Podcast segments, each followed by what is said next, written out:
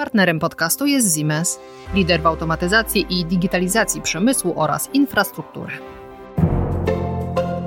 Witam Państwa, Marcin Piasecki, witam w Rzeczy o Biznesie. Jest ze mną gość, pan redaktor Andrzej Kiński, redaktor naczelny magazynu Wojsko i Technika, ekspert wojskowości. Dzień dobry. Dzień dobry panu, dzień dobry państwu. Panie redaktorze, no dużo mówi się w tej chwili o stosunkach polsko-amerykańskich. Jest to związane e, z, między innymi z wizytą prezydenta Dudy e, w Waszyngtonie. E, ja bym chciał, żebyśmy porozmawiali o kwestiach dotyczących współpracy przemysłów obronnych, polskiego i amerykańskiego. Wiadomo, że kupujemy sporo sporo broni, amerykańskiej broni. Ostatnim spektakularnym zakupem są samoloty F-35. E, natomiast proszę mi powiedzieć, jak to Pana zdaniem się przekłada na kwestię współpracy właśnie obydwu przemysłów, amerykańskiego i polskiego? No, należy sobie szczerze powiedzieć, że nie wygląda to z naszego punktu widzenia najlepiej. E, rzeczywiście korzyści z tej współpracy odnosi przede wszystkim przemysł amerykański. E, mam na myśli oczywiście te duże kontrakty których Pan wspomniał, a więc chociażby F-35, e, Patriot e, czy HIMARS. Tutaj były plany daleko idącej polonizacji, na przykład w przypadku HIMARSa, a ostatecznie stanęło na zakupie, jak to się mówi, spółki. Podobnie jak z F-35, jeśli chodzi o pierwszą fazę programu Wisła, czyli zakupu e, systemu przeciwlotniczego i przeciwrakietowego średniego zasięgu. Tu jest e, offset, ale on jest znacząco mniejszy, znacząco niższą ma wartość niż zamówienie. No, doświadczenia z offsetem, szczególnie tym od Stanów Zjednoczonych, czy firm amerykańskich, bo tak powinno się poprawnie mówić, nie są najlepsze, e, jeśli chodzi chociażby o, o offset za F-16. Te projekty, E, które przyniosły rzeczywiste korzyści e, naszemu przemysłowi obronnemu. Nie mam na myśli zakupów, bo na przykład bydgoskie zakłady chemiczne Nitrochem e, na mocy porozumień offsetowych sprzedawały materiały kruszące, materiały wybuchowe do Stanów Zjednoczonych. No ale to jest troszeczkę coś, coś innego, to jest kompensacja nasz, naszych zakupów waszymi zakupami, ale ideą offsetu było to, że będziemy przejmować rozwiązania, technologie, które dadzą impuls rozwojowy naszemu przemysłowi. I takie projekty też były realizowane. Tutaj jest pakiet projektów zrealizowanych w zakładach Mesko, w Dezamecie z Nowej Dęby. One były realizowane w ramach offsetu za F-16, ale co ciekawe, offsetodawcą e, była skandynawska firma e, Nammo, ale one zostały na mocy e, zawartych porozumień zaliczone jako offset przedsiębiorstw amerykańskich. Obecnie podkreśla się wagę współpracy z firmami amerykańskimi, nie offsetu, chociaż jak mówię, w przypadku Wisły z offsetem mamy do czynienia. Na razie ze strony korporacji Lockheed Martin, e, porozumienia offsetowe z Raytheonem, e, mimo że przypomnę, minęły już e, ponad dwa lata od momentu podpisania umowy bazowej, do dziś nie zostały zawarte, cały czas trwają negocjacje. Mm, jeśli chodzi o te inne projekty, one są realizowane na zasadzie biznesowej. To są przedsięwzięcia związane z zakupem, opracowaniem i zakupem y, w Pitra 2, że anten do systemów IFF. Y, to są routery i inne wyspecjalizowane urządzenia elektroniczne, które zaprojektował i dostarcza bydgoska, bydgoska spółka. To, to jest również ulokowanie w Bydgoska Spółka Teldat. To jest również ulokowanie w Hucie Stalowa Wola zamówień na wykonanie na razie do naszych zestawów wyrzutni M903 pocisków rakietowych. Być może w przyszłości, e, kiedy Huta stanie się certyfikowanym dostawcą, będzie również produkowała te wyrzutnie dla innych odbiorców. Ale powiedzmy sobie szczerze, to są na razie drobne projekty, jak gdyby no, nie rozszerzające w znaczący sposób portfolio tych firm. Pitradwar od lat produkuje opracowuje i produkuje mm, anteny do systemów identyfikacji swój obcy do różnych urządzeń radiolokacyjnych, także na eksport, chociażby do europejskiej grupy Thales. Jeśli chodzi o Teldat, no jest to firma, która od lat specjalizuje się w zaawansowanej elektronice wojskowej i akurat ten sprzęt, który jest do nich, przez nich y, dostarczany Raytheonowi, no nie należy do tych, które mają największy stopień skomplikowania.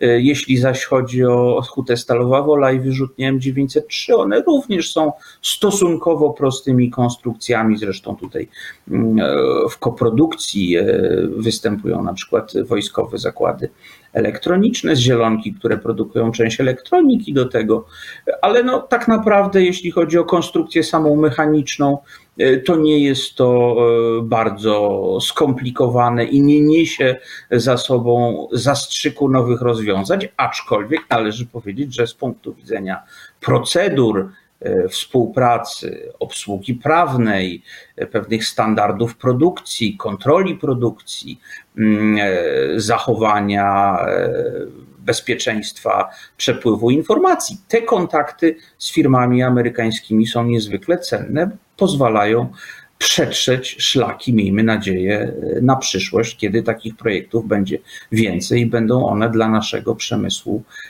bardziej korzystne. Panie redaktorze, a może po prostu jest w ten sposób, że nie jesteśmy w stanie no, zapro zaproponować Amerykanom niczego interesującego. Na przykład czegoś, co by wniosło, e, wniosło e, jakąś e, nową polską jakość, chociażby do produkcji F-35. No to prawda, że jeśli chodzi o program F-35, mimo że takie propozycje były do Polski kierowane, my nie weszliśmy do, nie dołączyliśmy do niego na tym etapie, kiedy dochodziło do podziału między różnych producentów na świecie, a jest ich kilkunastu, jeśli nie kilkudziesięciu w kilkunastu krajach świata, którzy biorą udział w produkcji, w kompletowaniu samolotów F-35 i w tym momencie, kiedy podjęliśmy decyzję o zakupie tego sprzętu, no było, mówiąc kolokwialnie, już wszystko e, pozamiatane. E, ale to jest jeszcze jedna sprawa, na którą trzeba zwrócić uwagę. To nie jest tak, że ktoś przychodzi do nas i buduje nam wszystko od podstaw, a później jeszcze kupuje wyprodukowane wyroby. No to też wymaga od naszych firm e, pewnych inwestycji. Taka, tak jak Huta Stalowa Wola e, zmodernizowała istniejącą halę mm, fabryczną, przebudowała inną, no, bazowała na istniejącej infrastrukturze. E, w związku z tym, że stopień skomplikowania wytwarzania tych wyrzutni nie jest wielki, no nie musiała również inwestować w park maszynowy. Ale tam, gdzie konieczne byłyby już poważne inwestycje, czy to w infrastrukturę, czy to właśnie w szkolenia ludzi, e, czy w specjalistyczne urządzenia. No niestety to polska strona musiałaby mm, tę E, te koszty ponieść. Tutaj bardzo symptomatyczne e, były wyliczenia, które mm, zrobiono w, w grupie PGZ przed jeszcze decyzją Ministerstwa Obrony Narodowej o tym, że system HIMARS kupujemy mm, w trybie e, spółki bez e, jakiejkolwiek, bez jakiegokolwiek e, offsetu współpracy przemysłowej. Wcześniej planowano, mm, planowano, że będzie to system całkowicie spolonizowany i te inwestycje, które trzeba byłoby ponieść w związku e, z tą polonizacją, szły w, miliardu, w miliardy złotych, a więc to też przekładało się na koszty wyrobów. No ale niestety, jeżeli takie zdolności chce się budować, trzeba zainwestować. No stąd chociażby ta informacja z MONU, że samo, sama rezygnacja z offsetu, już abstrahując od, od, od y, projektów, to spowodowała y, znaczące obniżenie ceny y, zakupu tych samolotów. No właśnie, bo tutaj no nie jest tajemnicą, nie jest tajemnicą, że w momencie, kiedy y, kupujemy sprzęt, sprzęt wojskowy y, właśnie z offsetem, to po prostu, i tak się dzieje na całym świecie, on jest droższy. Może to w takim razie no niepotrzebnie narzekamy na to, że nie ma tak szerokiej współpracy polskiego i amerykańskiego przemysłu, że nie ma offsetu. No, możemy ten sprzęt po prostu kupić taniej. Czy ja myślę, że nie powinniśmy narzekać, że nie ma offsetu, ale powinniśmy narzekać, że nie ma współpracy. E, bo taka współpraca jest potrzebna. E, firmy amerykańskie potrzebują e, dywersyfikacji dostaw. Zresztą ostatnie miesiące pokazały, że jest to bardzo istotne. E, czasami być może lepiej mieć jest poddostawcę jakichś komponentów na innym kontynencie, jeżeli ten, który znajduje się w sąsiednim stanie, wydawałoby się na wyciągnięcie ręki, jest zamknięty i nie może tego wyprodukować. A więc Tutaj, szczególnie w produkcji uzbrojenia, tacy kooperanci są potrzebni, ale też powiedzmy sobie szczerze, no to wymaga, e, to jest możliwe do realizacji tylko dla firm, które znajdują się w odpowiedniej kondycji finansowej, czy też mogą, jak firmy państwowe, liczyć na e, wsparcie Skarbu Państwa w takich inwestycjach. I w tym momencie, kiedy zbudujemy pewien minimalny poziom możemy myśleć o wdrażaniu nowych e, rozwiązań, nowych technologii. Tu dobrym przykładem jest MESCO, które realizuje e, od e, jesieni ubiegłego roku program inwestycyjny. Rząd przeznaczył 400 milionów złotych na modernizację MESCA, a przede wszystkim budowę nowych zdolności w zakresie Mm, materiałów pędnych, materiałów e, kruszących, materiałów miotających generalnie, jeśli chodzi o nowoczesną pirotechnikę. W tym momencie, jeżeli te projekty skończą się w terminie i przyniosą zamierzony efekt, znacznie łatwiej będzie rozmawiać, czy to z firmami amerykańskimi, czy to z jakiegokolwiek innego zakątku świata, na temat produkcji nowoczesnej amunicji, czy to artyleryjskiej, czy to rakietowej, y, czy pocisków kierowanych różnych typów.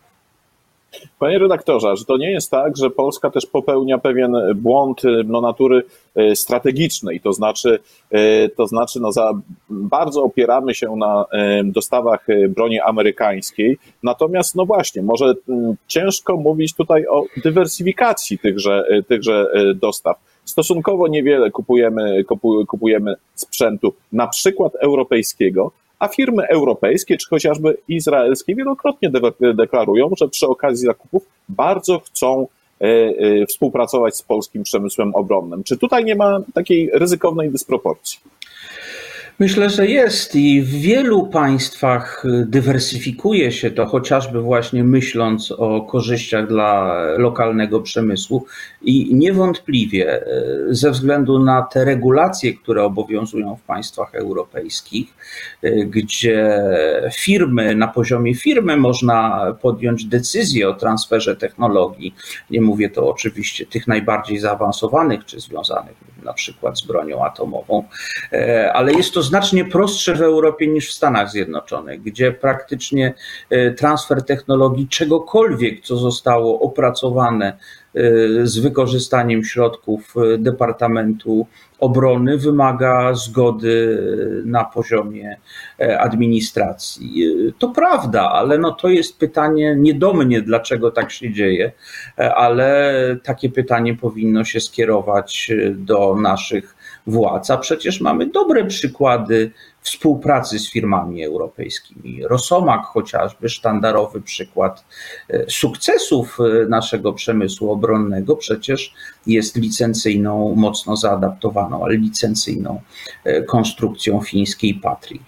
Również zakup pocisku kierowanego Spike w wspomnianym Mesku zaowocował wdrożeniem wielu elementów tego pocisku do produkcji. Niestety nie tych kluczowych, związanych chociażby z układem naprowadzania, niemniej chociażby technologie związane z silnikami rakietowymi czy z głowicami bojowymi mm, e, posunęły zakłady ze Skarżyska Kamiennej na, na nowy poziom.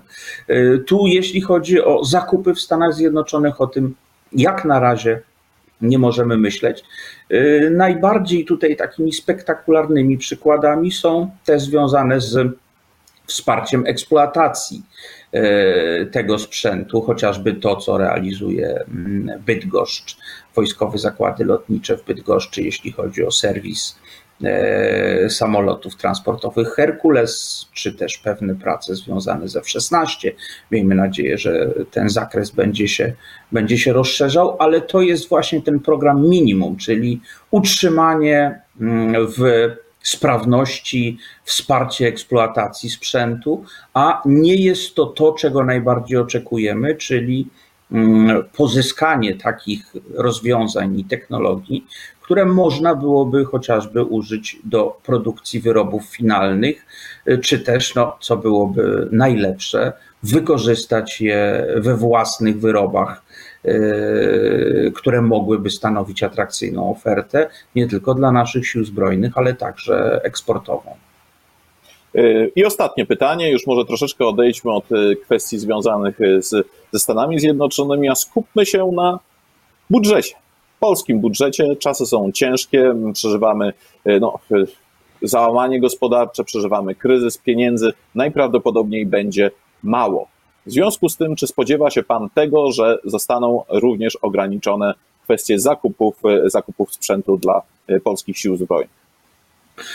Ja powiedziałbym w ten sposób, że pieniędzy nie będzie mało, ale pieniędzy będzie mniej.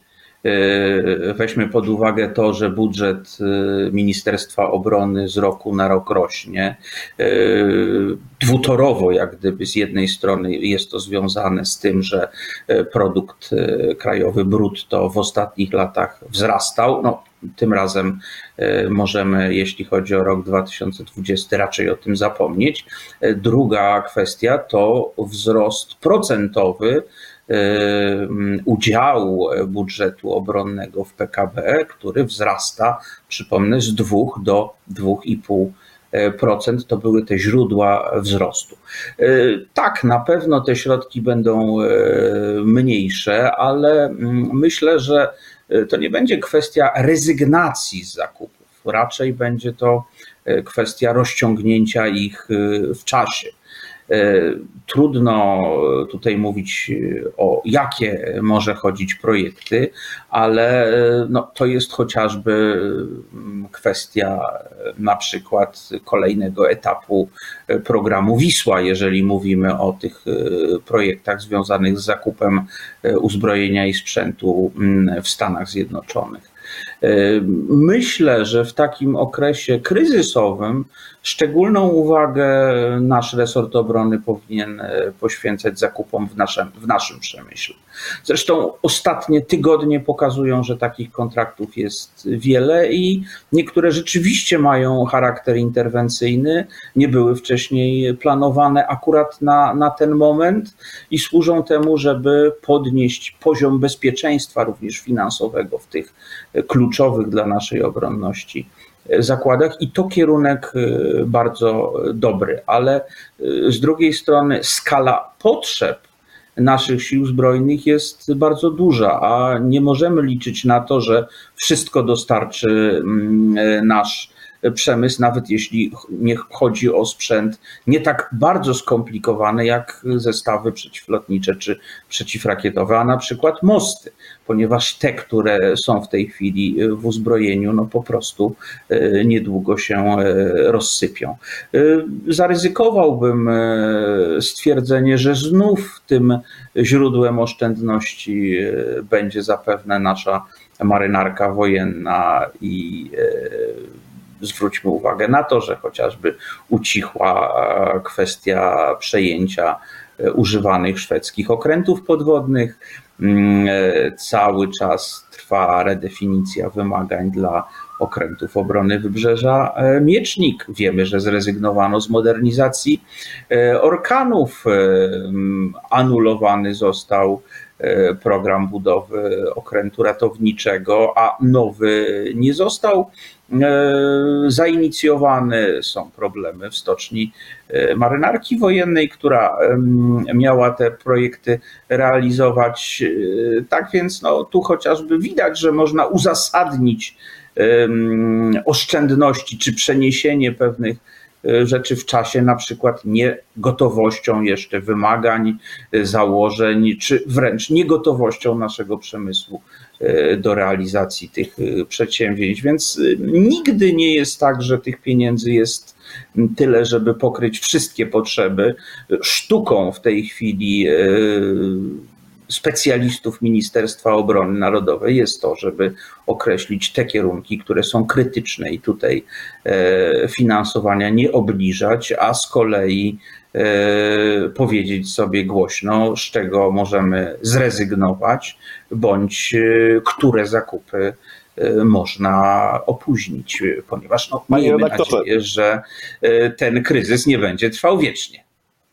Miejmy taką nadzieję. Musimy tutaj postawić kropkę. Bardzo dziękuję za rozmowę.